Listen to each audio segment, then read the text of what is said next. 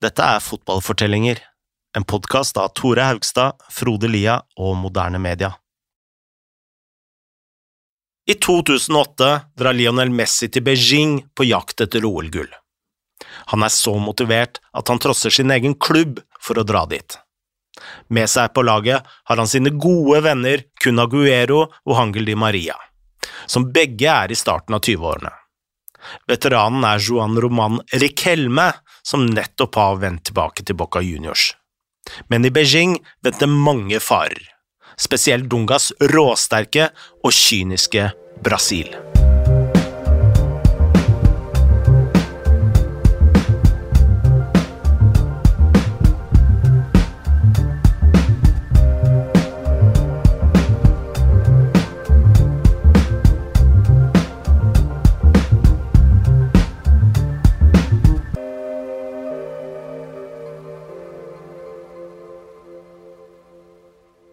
Innen OL i 2008 leita Argentina etter en ny generasjon som endelig skulle gi dem noe å juble for. Argentina hadde fortsatt ikke vunnet noe som helst siden Copa America i 1993.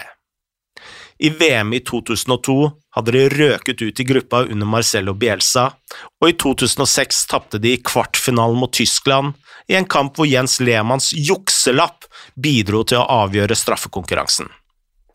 I Copa America hadde de tapt finalen i både 2004 og 2007 på det mest smertefulle viset som var mulig. De tapte den første på straffer og den andre 0-3.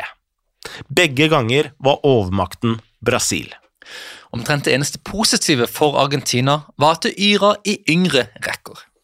I OL i 2004 hadde Argentina vunnet gull under Bielsa med et lag som inkluderte Mascherano, Heinze Saviola og kapteinen Roberto Ayala. Stjerna var en ung Carlos Tevez som skåra åtte mål på seks kamper. Argentina vant hver eneste kamp, og dette økte selvfølgelig presset på laget i 2008. Da de landa i Beijing, visste de at kun gull var godt nok. Ansvaret for å levere dette gikk til Sergio Batista, også kjent som El Checo. Han eh, hadde vært midtbaneanker på laget som hadde vunnet VM i 1986, og det som tapte finalen i 1990. Som trener hadde Batista kun en håndfull korte opphold i argentinske klubber, før han nå fikk jobben som Argentinas ungdomslandslagstrener. Da han fikk muligheten til å trene Argentina i OL, trodde han nesten ikke det var mulig. Siden dette var OL, måtte alle spillere i troppen være under 23 år, med unntak av tre spesielle seniorspillere. Og Argentina hadde en helt spesiell generasjon i bakhånd. I 2005 hadde de vunnet U20-VM med spillere som Oscar Ustari, Pablo Sabaleta, Ezequiel Garay, Fernando Gago og så klart Messi og Aguero, som var de eneste to i den stallen som var født senere i 1986. To år senere hadde Argentina vunnet nok et U20-VM, denne gangen med Sergio Romero, Evo Banega og Di Maria. De to turneringene hadde blitt dominert av hver sin stjernespiss. I 2005 hadde en 18-årig Messi blitt toppskårer med seks mål og blitt turneringas beste spiller foran Fernando Llorente.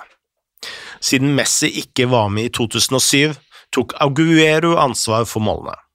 Han ble toppskårer, turneringens spiller og skåret turneringens mål med en utrolig prestasjon mot Polen.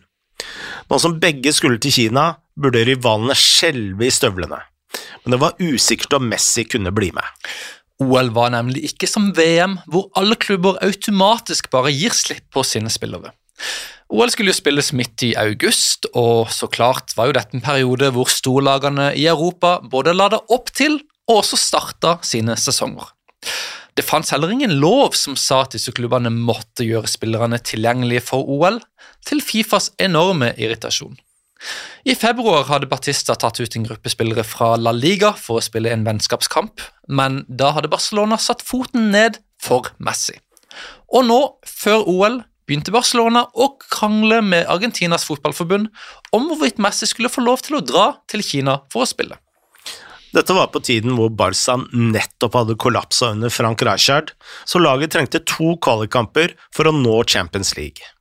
Messi var for lengst blitt erklært den nye Maradona, og hadde kommet på tredjeplass i kåringen av gullballen i 2007. Om Messi spilte OL, ville han gå glipp av alle disse kvalifiseringskampene, så det var kanskje ikke rart at Barca sa nei. Men Argentina hadde én fordel, og det var at Messi selv ville til Kina. Han hadde sagt året før at det hadde vært helt utrolig å kunne kjempe om gullet. Og nå, i juni, hadde han sverga på at han skulle delta i OL, uansett hva folk og Barcelona sa. Men Messi kunne ikke bare få ting som han ville fordi han var Messi. Han var jo under kontrakt med Barcelona, og nå gikk klubben rettens vei for å holde han i Catalonia. Seint i juli skrev de Schalke og Verdo Bremen, som også hadde spillere i Argentinas lag, til The Court of Arbitration for Sport, eller kanskje mer kjent som CAS, for å få juridisk rett til å blokkere disse deltakelsene i OL. Og det fikk de. Den 6. august, altså dagen før åpningskampen i OL, så ga CAS disse lagene rett. Sepp Latter sa at han var både overraska og skuffa over dette, for Fifa ville jo ha med de store stjernene i OL, men han sa også at de respekterte avgjørelsen. Og dermed så, så det ut til at Messis OL-drøm var over. Innen dette hadde Argentina for lengst reist til Kina. De hadde tatt med seg Messi, for de ville jo ikke gi slipp på han før de måtte.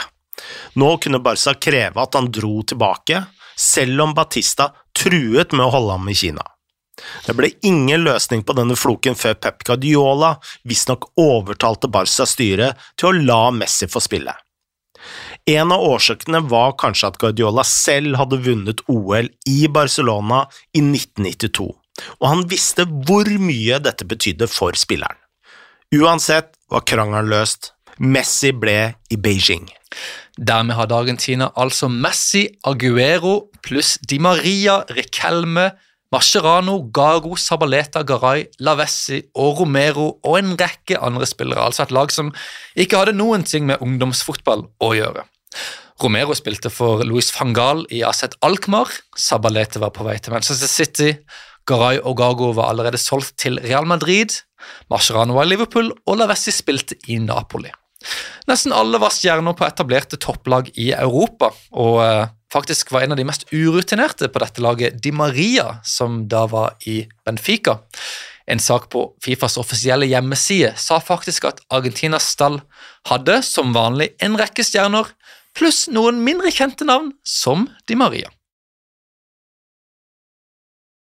Argentina kom i gruppe med Australia, Serbia og Elfenbenskysten.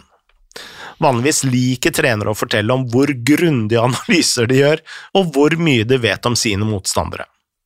Gruppene hadde blitt trukket i april, så Argentina hadde hatt mer enn nok tid til å speide på sine rivaler. Men Batista sa rett ut at han ikke visste noe særlig om disse lagene. For hans teori var at så lenge Argentina spilte bra, så burde de vinne uansett. Argentina hadde ingen ideell oppladning til OL, for eh, oppkjøringskampen mot Japan hadde blitt avlyst pga. Av lyn og i regn. Men Batistas menn var uansett klare favoritter. De stilte med Mascherano og Gago sentralt, Riquelme og Lavessi som kreative midtbanespillere, og Messi og Aguero på topp. Mascherano var enig med Batista i at de burde feie samtlige lag av banen. Den største trusselen for Argentina, sa Mascherano, er Argentina selv. Det tok ikke lang tid før de viste sin briljans. Riquelme slo en perfekt stikker til Messi, som la ballen iskaldt i mål. Men så utlignet Elfenbenskysten, og det var bare fem minutter igjen da Messi fyrte av et skudd som ble reddet, før innbytteren Lautaro Acosta satte inn returen. Argentina vant 2-1 og kunne puste lettet ut, men denne prestasjonen hadde ikke overbevist noen men Batista nekta likevel å gjøre store endringer på laget. I neste kamp møtte Argentina et ekstremt defensivt Australia som lå dypt og fighta med alt de hadde. Det hjalp heller ikke Argentinas tekniske stjerner at det hølja ned med regn. Men med ett kvarter igjen la Di Maria inn til Avessi, som skåra, og Argentina rodde i land 1-0. Og selv om champagnefotballen fortsatt lå på is, så feira Batista for å ha kvalifisert seg fra gruppa. For Lavessi var kampen ekstra spesiell. Eh, den ble nemlig spilt på det som var barnas dag i Argentina. Og like før avspark hadde han vært på telefonen med sin tre år gamle sønn Thomas, som hadde spurt han «Pappa, kan du skåre et mål for meg?» I den tredje kampen mot Serbia roterte Batista laget slik at Rikelme, Messi og flere andre stjerner fikk hvile. Argentina skåra først med et straffe av Lavezzi, så fikk de en ny straffe, og den bestemte Di Maria at han skulle ta. Han bomma før dommeren sa at den måtte tas på nytt, så klarte Di Maria å bomme igjen. Uansett vant Argentina og sto nå med tre seire på tre kamper. I gruppe C hadde den store, stygge ulven for Argentina overlevd. Brasil hadde aldri vunnet OL-gull, som var litt flaut og en liten skandale egentlig for landet med flest VM noensinne, så de tok OL-et veldig seriøst. Faktisk hadde de henta ned Dunga fra A-laget for å ta hånd om dette prosjektet. I stallen hadde de Hernanes, Marcello, Diego, Pato, Ramires og Tiago Silva. De hadde også ønska å ha med seg Kaka som en av seniorspillerne, men da Milan blokkerte den planen, så måtte de ta til takke med Anderson, Lucas Leiva og Ronaldinho. Etter gruppespillet var det ingen som savna Kaka. Brasil sto med tre seire og en målforskjell på 9-0. Men Argentina skulle ikke møte Brasil i kvarten. Der venta Nederland, som ikke hadde de store stjernene å by på. De hadde Roy Mackay på topp, men blant de unge fantes bare navn som Urbi Emanuelsson, Ryan Babbel og Royston Drente. De hadde nesten tapt mot USA i gruppa, og sleit seg forbi Japan. Så Batista hadde all grunn til å være selvsikker. Spesielt nå som han hadde klart å hvile sine største stjerner. Argentina begynte kampen i en forrykende fart. Etter 14 minutter runda Messi keeperen og skåra, men så utligna Nederland via Otman Bakkal, og oppgjøret gikk til ekstraomganger. Hele Argentina-benken beit negler helt frem til Messi dukka opp igjen med en pasning til Di Maria, som skåra vinnermålet. Endelig kunne Argentina senke skuldrene, mens Nederlands trener Foppe de Haan sto igjen og måpte av Messis prestasjon, som han kalte for ekstraordinær. Nå venta endelig Brasil. De hadde smadret Kamerun 2-0 og skulle møte Argentina bare tre dager senere. Argentina kjente fortsatt smerten fra de to tapte finalene i Copa America, men før kampen sa Batista at Brasil ikke var bedre enn Argentina totalt sett, og at de kun var inne i en god periode, slik Argentina hadde vært på 90-tallet. Da Batista ble spurt om de kom til å slå Brasil, så sa han ja, det var han helt sikker på. Nerven i denne kampen var enorm. Rafinha skøyt like utenfor, før Aguero bomma fra kloss hold. Ronaldinho høsta applaus for sine triks, mens Messi løp i sirkler rundt Brasils forsvarere.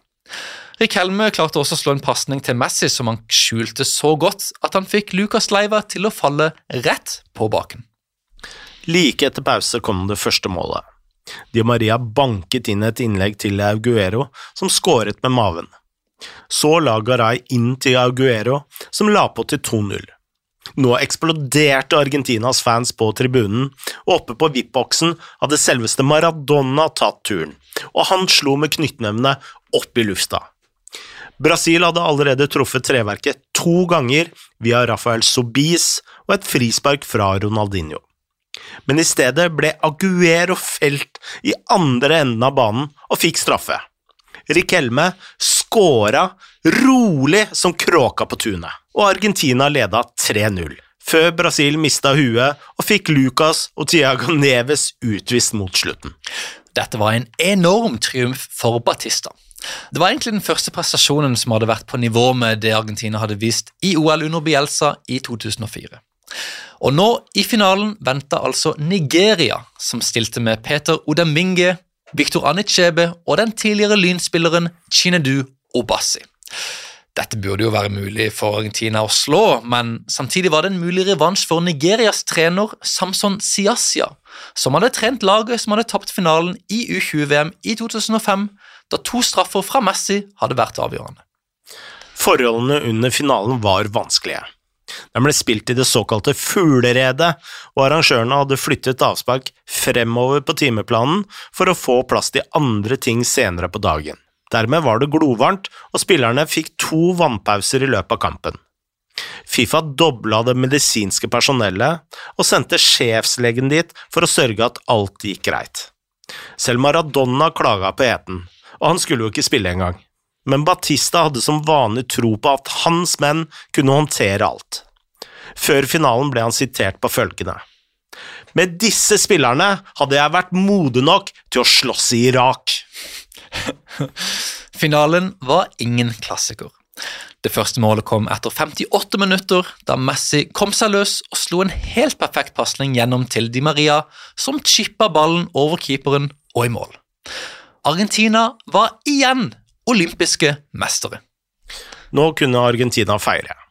De dansa sang, og selvsagt steg Maradona ned fra VIP-boksen for å være med på festen.